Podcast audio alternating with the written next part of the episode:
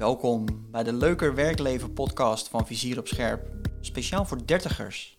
Op zoek naar de voor hun passende loopbaan. In deze podcast delen wij kennis, ervaringen en praktische tips om juist die baan te vinden die echt bij je past. Vizier op Scherp is een bureau die jou begeleidt naar jouw ideale werkleven. Mijn naam is Twan, loopbaancoach bij Vizier op Scherp. Yes, en welkom. Het is aflevering 14. We gaan het hebben over stap 3 en dat is namelijk de stap compleet. We hebben in aflevering 1 het natuurlijk over de acht stappen gehad naar een leuker werkleven. Welkom Twan. Oh, zijn we weer. Yes. Zou jij uh, stap 3 compleet eens even weer in ons geheugen op kunnen frissen? Waar ging dat ook weer over?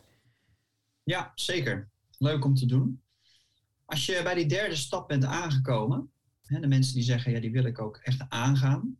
Dan zeggen we bij deze stap, ja, dan heb je ook echt iets aan te gaan. Compleet maken staat namelijk, als ik dat heel kort samenvat, voor de zonkant in je, maar ook de schaduwkant die er is. Mhm. En dan ben je compleet, als zowel de zon als de schaduw er mag zijn. En dat klinkt wel een beetje vaag misschien. En dat klopt ook wel een beetje bij deze derde stap. Want wat we veel doen in deze stap is proceswerk. Oké. En met proceswerk bedoelen we wat speelt er bij iemand? Welke thema's zijn er bij iemand die ervoor zorgen dat zij of hij nog niet in het werkleven is gekomen wat, wat ze het liefste willen? Ja, ja en, wat bedoel je dan precies met die zon en die schaduw als je kijkt naar inderdaad dat werkleven? Nou, dat zit hem bijvoorbeeld in welke overtuigingen mm, leven er nog bij je. We, we, hebben misschien wel overtuigingen, joh, ik, uh, ik ben hier goed in en uh, ik ben een gezellig iemand en uh, ik kan dit en dit en dit heel erg goed. Mm -hmm. Maar we hebben ook overtuigingen die ons beperken. Zeker. En dat noemen we wat meer de schaduwkant. En soms hebben we die niet eens helemaal helder, hè? zijn we ons daar niet zo van bewust. Maar op een diepere laag hebben we dan wel een overtuiging ja, wie ben ik nou eigenlijk helemaal? Ja. Of, uh, oh jee, zometeen val ik door de mand. Ze hebben door dat ik eigenlijk niks kan. Of overtuigingen van, uh, ik ben, uh, als je voor een dubbeltje geboren bent, word je nooit een kwartje. Hè? Mm. Oftewel, ik kom nooit naar het niveau wat ik eigenlijk zou willen. Ja. Nou, dat zijn best wel intense processen, maar daar heb je wel soms het, het beest in de bek te kijken, zoals we zeggen. Voordat je daar uh, overheen kan stappen en je echt je ideale werkleven kan uh, ontmoeten. Ja, kan je dat echt loslaten, dat soort overtuigingen? Ja, dat is het interessante proces tussen accepteren en loslaten. Mm, yeah. En, en daar heb je zo'n mooi citaat van ook. Hè? Dan zeggen ze wel eens, uh, geef me de kracht om uh, los te laten wat ik niet meer kan gebruiken. Geef me de moed om te accepteren uh, wat ik niet kan loslaten. En geef me de energie, wijsheid. geloof ik. Of de wijsheid, precies. De, ja, ik vind hem heel leuk dat je hem zegt, want zoals jij weet, ik maak ook een podcast voor vrouwen die zwanger willen worden. En hoe vaak ik wel niet de Serenity Prayer opzeg. Ik, doe, ik begin hem altijd in het Engels van God, ah. give me the serenity to accept the things I cannot change. Give me the courage to change the things I can. And give me the wisdom to know the, know the difference. Precies dus, uh, die. Ja, die. En dat is voor mij het ultieme zinnetje ook voor proceswerk. Mm. En welke dingen kan je een plek geven? En de grote vraag is natuurlijk, als je van die thema's aangaat, hoe kan je dat een plek geven? Hoe kan je nou precies loslaten? Hoe kan je accepteren? Ja. Wat ik laatst had, dat is misschien wel leuk om te noemen. Wat we laatst hadden was een, uh, een dame die kwam bij ons, uh, die belde op. Die zei: Ik wil, uh, ik wil loopbaancoaching bij jullie volgen, maar misschien is mijn vraag meer coaching dan loopbaancoaching. Nou, okay. prima, vertel ja. eens. Ze zegt: Ik heb een superleuke baan. Ik zit nu drie, vier jaar na mijn studie zit ik in die baan. En dat is hard werk hoor, want het was echt een uh, ambitieuze tante. En ze zat ook in een beetje een corporate wereld. Mm -hmm.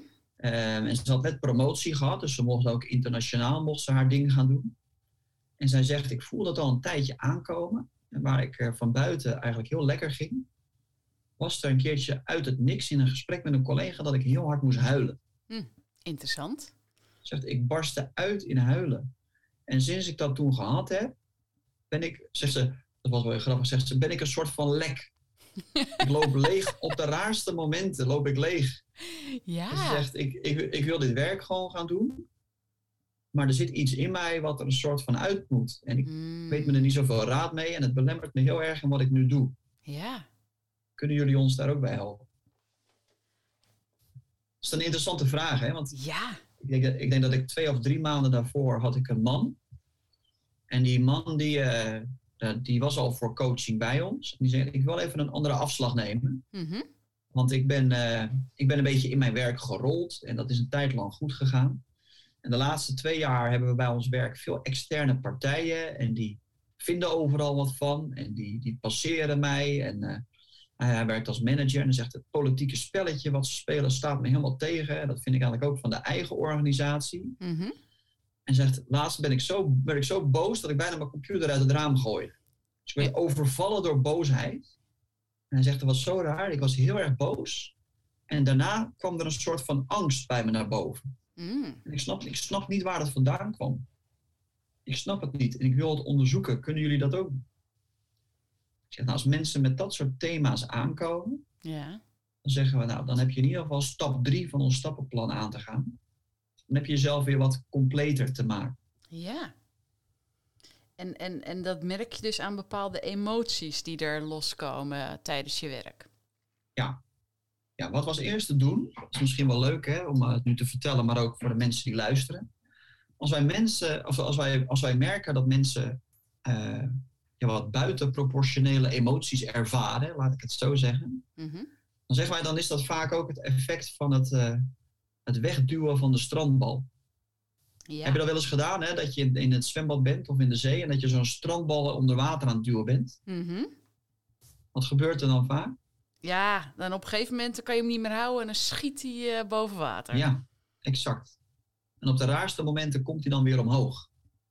En zo werkt het vaak ook een beetje met emoties.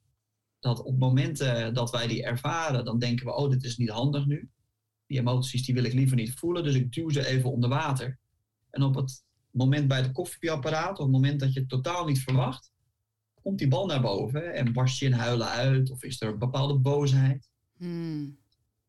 Wat we dan in ieder geval vaak met onze klanten doen, is het eh, uitleggen van de pendule. De pendule van het leven. Heb je daar wel eens van gehoord? Nee, nee, vertel. Die pendule van het leven, die slaat eigenlijk alleen maar uit van links naar rechts. En dan is aan de linkerkant is de zon. En de rechterkant de schaduw. De wolkjes. Mhm. En wat we dan vertellen is dat we als mens zijn graag de zonkant opzoeken. Dus als de pendule uitslaat, slaat het een beetje uit naar die zonkant. Dan genieten we daarvan. En dan sluit hij weer uit naar de andere kant. Hè, want het leven is niet alleen maar zon. Er zit natuurlijk ook een beetje een wolkje bij. Alleen willen we die vaak niet voelen. Mhm. Willen we de schaduwkant vaak niet omarmen, willen we weg van, accepteren we niet. Dus wat we doen is dan heel snel, als we merken, oh nu ga ik die kant op, gaan we snel terug naar de zon. Maar wat gebeurt er als je een pendule tegenhoudt als die naar de schaduwkant uitslaat? Dan gaat die ook minder ver de zonkant op. Dus je pendule komt bijna een beetje stil te hangen in het midden. Ja. En wat wij zeggen is, wat je heel erg kan helpen, geef die pendule weer eens een flinke slinger. Oftewel, als je naar de zonkant aan- uitslaat, geniet van wat je aan leuke dingen aan het doen bent. Mhm. En als die nog wat verder uitslaat, geniet daar nog meer van. En ken je van die mensen die wel eens helemaal uit hun dak kunnen gaan op een feestje? Mhm. Die ongegeneerd aan het dansen zijn. Ja. Mensen die eh, weer een nieuwe, hele nieuwe hobby oppakken en daar gewoon helemaal voor gaan. Die mensen die durven te zijn, die laten de pendule helemaal uitslaan richting de zonkant. Maar ja, wat gebeurt er als je vanuit een helemaal uitslaande pendule weer naar de andere kant gaat? Dan is ook je ook heel ver kant. door. Ja. Ja. En daarvan zeggen we, die kant mag of moet er misschien ook wel zijn. Ja. Oftewel, als jij je boos voelt, mag die boosheid er ook zijn. Als dat verdriet naar boven komt, dan mag dat er ook zijn. Sterker nog, er gebeuren altijd in ons leven dingen waar we niet blij mee zijn. Mhm. En als we dat, en als we dat wegslikken of wegstoppen of onder water duwen, ja, dan hoopt dat zich op in ons lichaam. Ja. Dan ga je dat voelen in je fysiek. En wat je te doen hebt, is gewoon de emoties die je voelt, de gevoelens die daarbij horen, om die er te laten zijn. Ja, ja, mooi. Ja, ik heb ook het idee dat mensen vaak zo hard bezig zijn om inderdaad die pendule maar, maar links te laten, te laten. En dat dat zoveel meer energie kost dan dat ze gewoon even door die negatieve emotie heen gaan, die ook bij het leven hoort. Als je die Ja. gewoon even toelaat, gaat die gewoon ook zoveel sneller weer weg. Ja, Ja. als het er even mag zijn. En je kan even goed voelen dat het kut met je gaat. Of dat Ja. je even baalt van de situatie. Of dat je verdrietig bent. Hmm, Dan kan je daarna, slaat dat pendule weer de andere kant uit. En kan je de zon weer ontmoeten. Ja, En dat is vaak het eerste wat we tegen mensen zeggen. Joh, je bent goed zoals je bent. Vertrouw je gevoelens. Vertrouw je emoties. En laat het er gewoon zijn. ja, ja, wat die eh, dame toen zei. van, Ja, dat kan je allemaal wel zeggen. Maar als ik in een vergadering weer keihard moet huilen. Dan is dat niet echt goed voor mijn carrière. nee. Ik zeg nee, en daar kunnen we nog wat meer naar gaan kijken. ja, Maar hoe mooi is het als je gewoon kan zeggen: joh, ik ben even over mijn grens heen gegaan. Ik heb gevoelens lang genegeerd en nu komt het er even uit. Ja, maar dat is toch raar in zo'n professionele setting. Ik zeg dat snap ik. En je kan dat voor een gedeelte kan je dat op die professionele setting wel uitspreken, want dan mag het er zijn. mhm, En wat je ook te doen misschien hebt, is op andere momenten even stil te staan, wat je voelt in je lichaam. ja, En dus ga even een rondje lopen, laat even zijn wat er is en daarna ben je weer terug. ja, Dus dat bleek al de helft van de oplossing te zijn voor haar. Als je dan kijkt, dat is natuurlijk de grote vraag. En ik kan me voorstellen als mensen dit nu luisteren en eh, ze herkennen ook dit stuk. Wat je dan te doen hebt, en ik zou in eerste instantie zeggen dat het handig om dat onder begeleiding te doen. Maar wat je te doen hebt om iets los te laten of te accepteren, is in ieder geval te beseffen dat je nu volwassen bent en dat het verleden niet gelijk staat aan de toekomst. mhm, Daarmee bedoel ik eigenlijk, als je nu in staat bent om terug te kijken naar alles wat er in je verleden gebeurd is, aan verdriet, aan angst, aan schuld en schaamte en boos, als je daar nu terug kan kijken met het idee, ik ben nu volwassen en wat trek ik voor lering uit die momenten, dan kan je het va- vaak loslaten. ja, Loslaten en accepteren. Je lichaam die houdt aan iets vast omdat je er nog iets van te leren hebt. Omdat je op dat moment er niet met je aandacht volledig bij kon zijn. Hè, bijvoorbeeld als kind, hè, dat je boos bent en je ouders zeggen: eh, stop met boos zijn, stel je niet zo aan. mm, Nou, wat, je, wat je lichaam dan doet, hè, als je het hebt over emotioneel lichaamswerk, wat, wat je lichaam dan doet, is oké, het mag er niet zijn, ik slik het wel in. mm, ja, En waar we bij een, eh, als we ons snijden met een, eh, in ons lichaam, hè, als we aan het eten maken zijn, ons lichaam herstelt een wondje vanzelf, want dan komt er een kostje op en dan herstelt het. Maar bij emoties die we niet kunnen uiten, houdt ons lichaam dat vast, omdat we er nog iets van te leren hebben. mhm, En wat wij in deze stap doen, en je merkt al, het gaat best wel een beetje buiten pure loopbaancoaching. Maar wat wij in deze module ook doen, als deze emoties er zo zijn bij mensen, is teruggaan naar het verleden. En dan kijken we uit, vanuit een volwassen perspectief, dus van een afstandje. Wat is er toen gebeurd in jouw verleden? mhm, Waardoor je die boosheid hebt ontwikkeld, of dat verdriet, of die angst. En wat kan je daar nu, nu je volwassen bent, van leren? En dan laten mensen gewoon komen wat er te leren valt. En dan merk je dat het rustiger wordt in je lijf. Ja. Dan kan je die dingen loslaten. Ja, mooi. Ja, ja en ik, ik vind het ook mooi dat die vrouw die dan inderdaad op haar werk dan opeens die emoties krijgt, dat je inderdaad ook ge- aangeeft, ja, ga ze gewoon even voelen inderdaad. Maar ehm, ik denk nu dat als mensen luisteren, dat ze denken van, oh, ja, maar niet op dat moment. Dat kan ook als je veilig thuis zit daarna, toch? Dat je even een kop thee neemt, op de bank gaat zitten en even naar je lichaam gaat van... hé, hey, wat voelde ik nou? En wat is dat precies? En, en hier mag het er zijn, hier is het veilig. En de grote sport is, hè, wat je zegt is helemaal terecht. En de grote sport of de uitdaging is, kan je dan ook bij dat ongemakkelijke stuk blijven? Mm, Er zijn heel veel mooie meditaties ook voor. Hè? Dat hoef ik jou ook niet te vertellen, Lilian. Daar weet je ook wat meer van. Maar als je dan gewoon kan ademen en bij het ongemak kan blijven, dan is dat in het begin heel vervelend. En dan komen Mhm. er misschien tranen of iets anders. En daarna merk je, ah ja, en wat is er gebeurd in mijn verleden? En hoe kan ik dat meer accepteren en loslaten? En dat is iets waar we mensen wat uitgebreider bij kunnen begeleiden in onze praktijk. Ja. Maar wat je zelf ook kan doen, dan bijvoorbeeld te mediteren, yoga, mindfulness, al dat soort momenten. Waardoor die opgeslagen emoties weer los kunnen komen. Ja, ja ik, ik zeg vaak alleen al door met aandacht naar dat, die emotie te gaan. Dus stel je bent heel verdrietig opeens, dat je dan ook gewoon echt even gaat voelen in je leven van... hé, hey, waar zit die verdriet, eh, dat verdriet in mijn lichaam? Want het, het, het, ontstaat meestal ergens in je romp. Nou, stel je voelt het bij je hart of in je buik, of nou ja, dan ga je daar naartoe. En als je dat echt even toe durft te laten, dan wordt het eerst misschien een beetje erger, maar daarna zwakt het ook weer af. Want je kan niet daarop gevestigd of, of op gefocust blijven. Daarna wordt het vanzelf zwakker. Precies. Maar als je het weg blijft drukken, dan komen we weer bij die bal die je onder water drukt, inderdaad. Ja. Dan komt het een keer naar boven dat je het niet wil, dus tijdens zo'n vergadering. En dan spettert het alles onder en dan heeft het niet, uh, heeft, heeft misschien meer, ja, niet meer effect, maar meer schade dan dat je zou willen. Ja, nou ja, dit, op dit stuk grenzen onze vakgebieden wel een beetje aan elkaar. Ja, ja. En wat wij hier eigenlijk heel erg doen, hè, als mensen zeggen, joh, oh, ik, ik heb misschien ook wel van die wat buitenproportionele emoties, hè, dat het echt te extreem is. Mhm. En dan de term, je emmertje is uh, te veel gevuld of loopt over, die past heel erg. En waar wij mij je kunnen helpen is dat het, om dat emmertje wat meer te legen. Mm. Zodat je nog wel gewoon die emoties ervaart, maar dat ze niet buitenproportioneel extreem zijn, maar gewoon op een normale manier. Ja, ja mooi.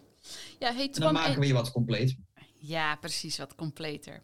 Hey, Martwan, jij bent altijd wel van um, bepaalde structuren en, en, en, en plannen. En hoe pak jij dit stukje dan aan met die emoties? Nou, als het om emoties gaat, dan, uh, dan is eigenlijk gewoon de strekking: mag het er allemaal zijn? Is het Mhm. oké als je een beetje boosheid of verdriet of angst ervaart? Dus dan gaan we vaak het gesprek met mensen daarover aan. Nou, waar we nog wel eens voor kiezen, maar daar zijn verschillende methodes in hoor. Dus moet even kijken wat er dan past bij de klant. Ja. Dan kunnen we ook gewoon doorlopen dan. En zeggen, nou, we kunnen er op deze manier naar kijken om het los te laten. Dit zou een manier zijn om het te accepteren.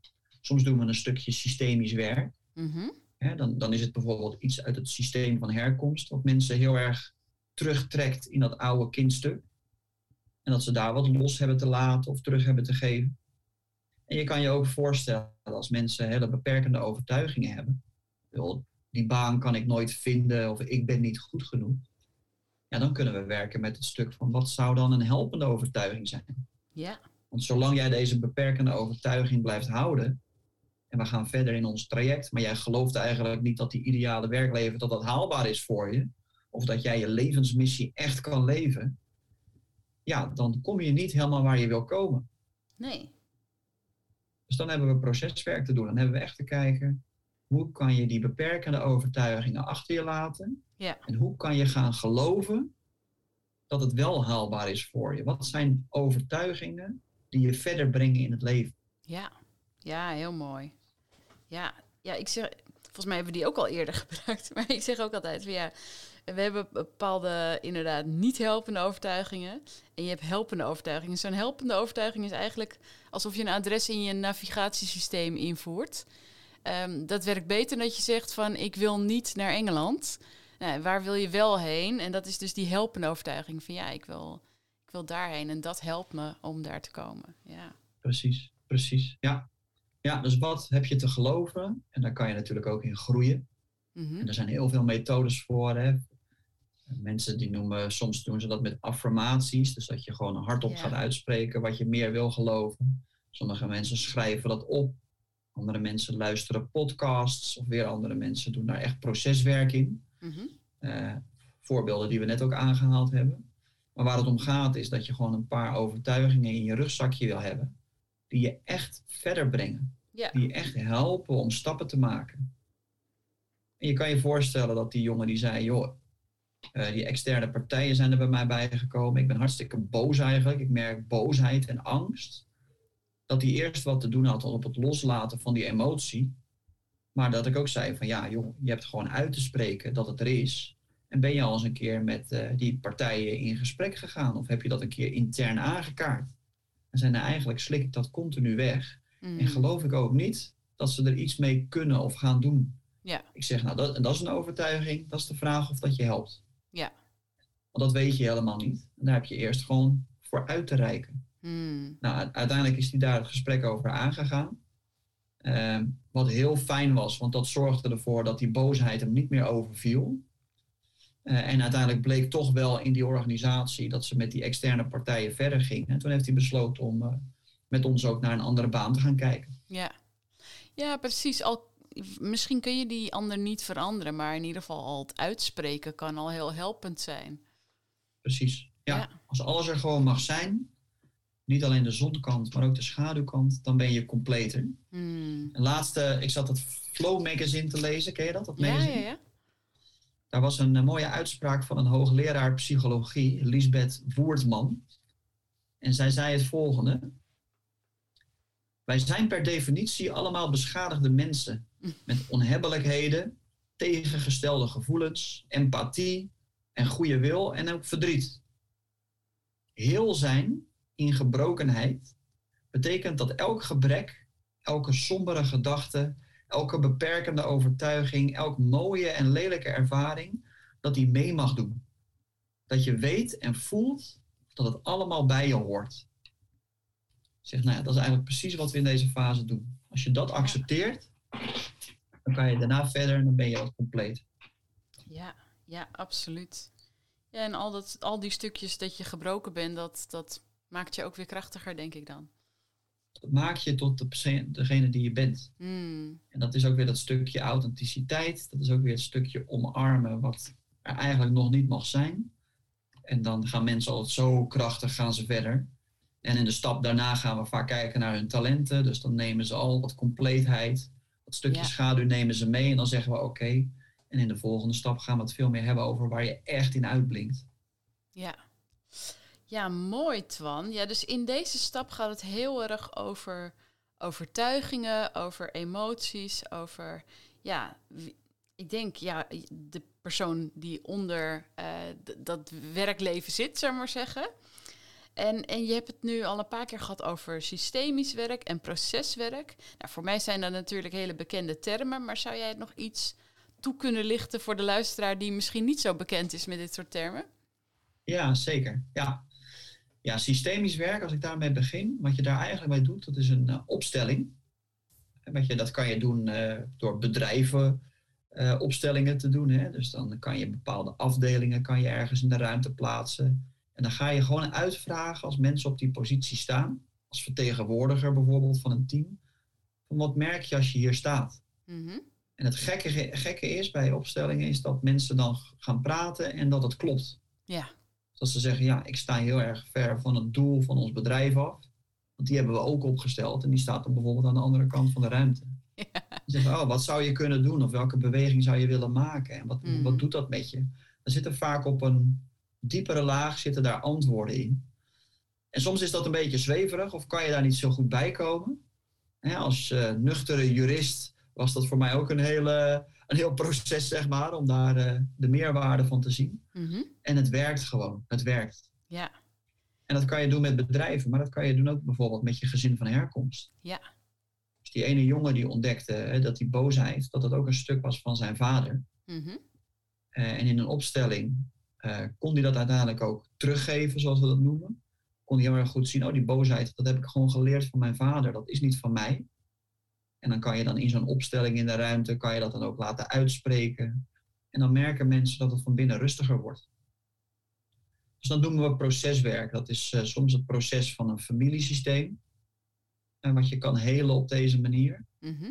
En soms, soms zit het hem in, eh, in andere processen. Hè? Dan is het bijvoorbeeld eh, de helpende of beperkende overtuigingen. Dat is ook proceswerk. Ja. In die zin dat je ergens op jonge leeftijd heb je jezelf een overtuiging eigen gemaakt. Mhm. Dit, dit kan ik niet, ik ben niet goed genoeg of wat dan ook.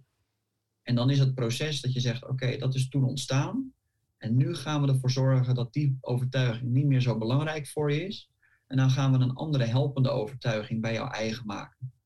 En dat is een proces, dat is iets wat langzaam moet groeien.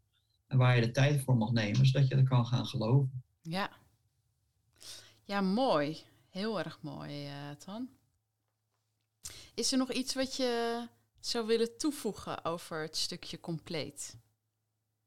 Of zijn we compleet? Nou, oh, die past heel goed. Dankjewel. Um, nou, het belangrijkste wat ik daarover wil zeggen is, um, als je dit luistert en je merkt bijvoorbeeld in je lichaam uh, dat je lichaam hierop reageert, of mm -hmm. uh, dat je zegt, oh ja, ik, ik, herken iets van die emoties, of dat ik die pendule van het leven niet zo ver laat uitslaan, dan zegt je hoofd misschien niet doen, raar, eng, spannend, zweverig. En dan geven wij vaak als advies: volg dan een keer niet je hoofd, maar volg je lichaam.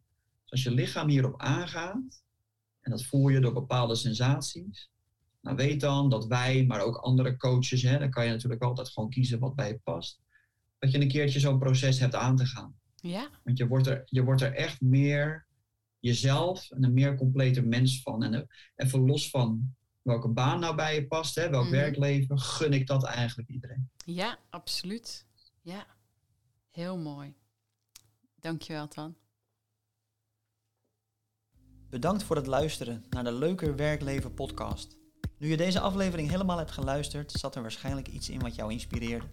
Like daarom de podcast en abonneer je voor nog meer loopbaaninspiratie. Wil je meer? Ga dan naar vizieropscherp.nl of stuur een e-mailtje naar hallo@vizieropscherp.nl. Je kunt ons ook vinden op social media onder de handle Vizier op Scherp. Op onze website vind je gratis inspiratie die jou op weg kan helpen naar jouw ideale werkleven. Vraag het nu aan en zet je volgende stap.